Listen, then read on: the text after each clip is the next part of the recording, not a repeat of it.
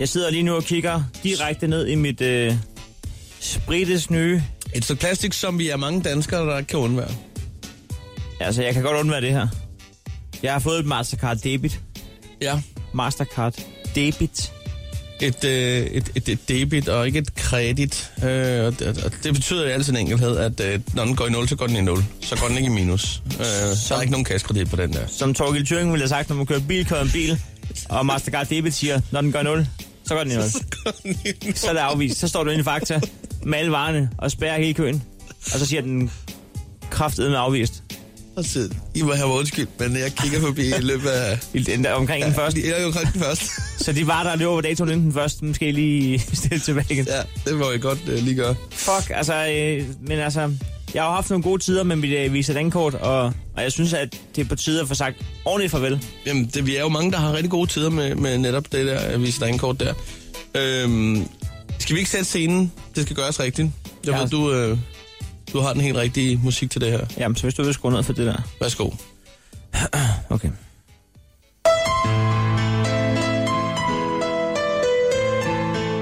Kære Visa Dankort. Tak for et par gode år. Jeg vil aldrig glemme dem. At have dig i lommen var magi. Sammen var vi uovervindelige. Jeg følte mig som Harry Potter og Barack Obama på samme tid. Du var ikke bare et Visa Dankort. Du var et fucking Magic Card. Når man har dig, har man uendelige penge. Det var ligesom at have en snydekode i Grand Theft Auto eller Football Manager. Følelsen af uendelige penge. Du er skyldig, at jeg ikke har tjekket min konto i et år. Jeg kan ikke engang huske min mobilkode til netbank-appen. Til gengæld kunne jeg samtlige cifre, der stod på dig, fordi du var så frisk på at give mad fra Just Eat lørdag og søndag og tirsdag. Tit i hvert fald. Og biblyden. Biblyden fra Dankort-terminalen. Landet over, der indikerer, at transaktionen er godkendt.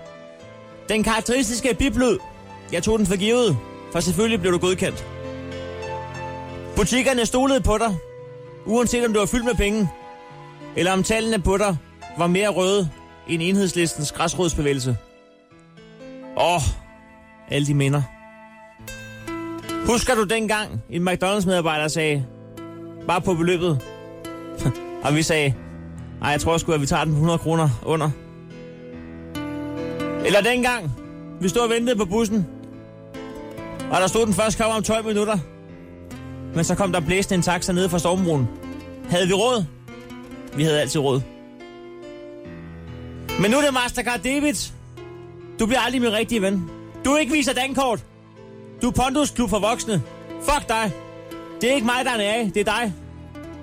Vi skal på kedelige byture sammen. Og vi skal sammen købe råbrød og makrel sidst på måneden. Du er så kedelig. Jalousi mig. Hvorfor du altid er så kedelig, når vi er i byen? I byen. Men det bliver spændende nu. Siger terminalen godkendt? Eller gør den ikke? Vi har begge to lige stor chance for at blive afvist i byen. Viser dankort 2013 til 2015. Elsket og savnet. Æret være dit minde. Stå op med Chris og Heino. Alle hverdage fra 6.30 på The Voice.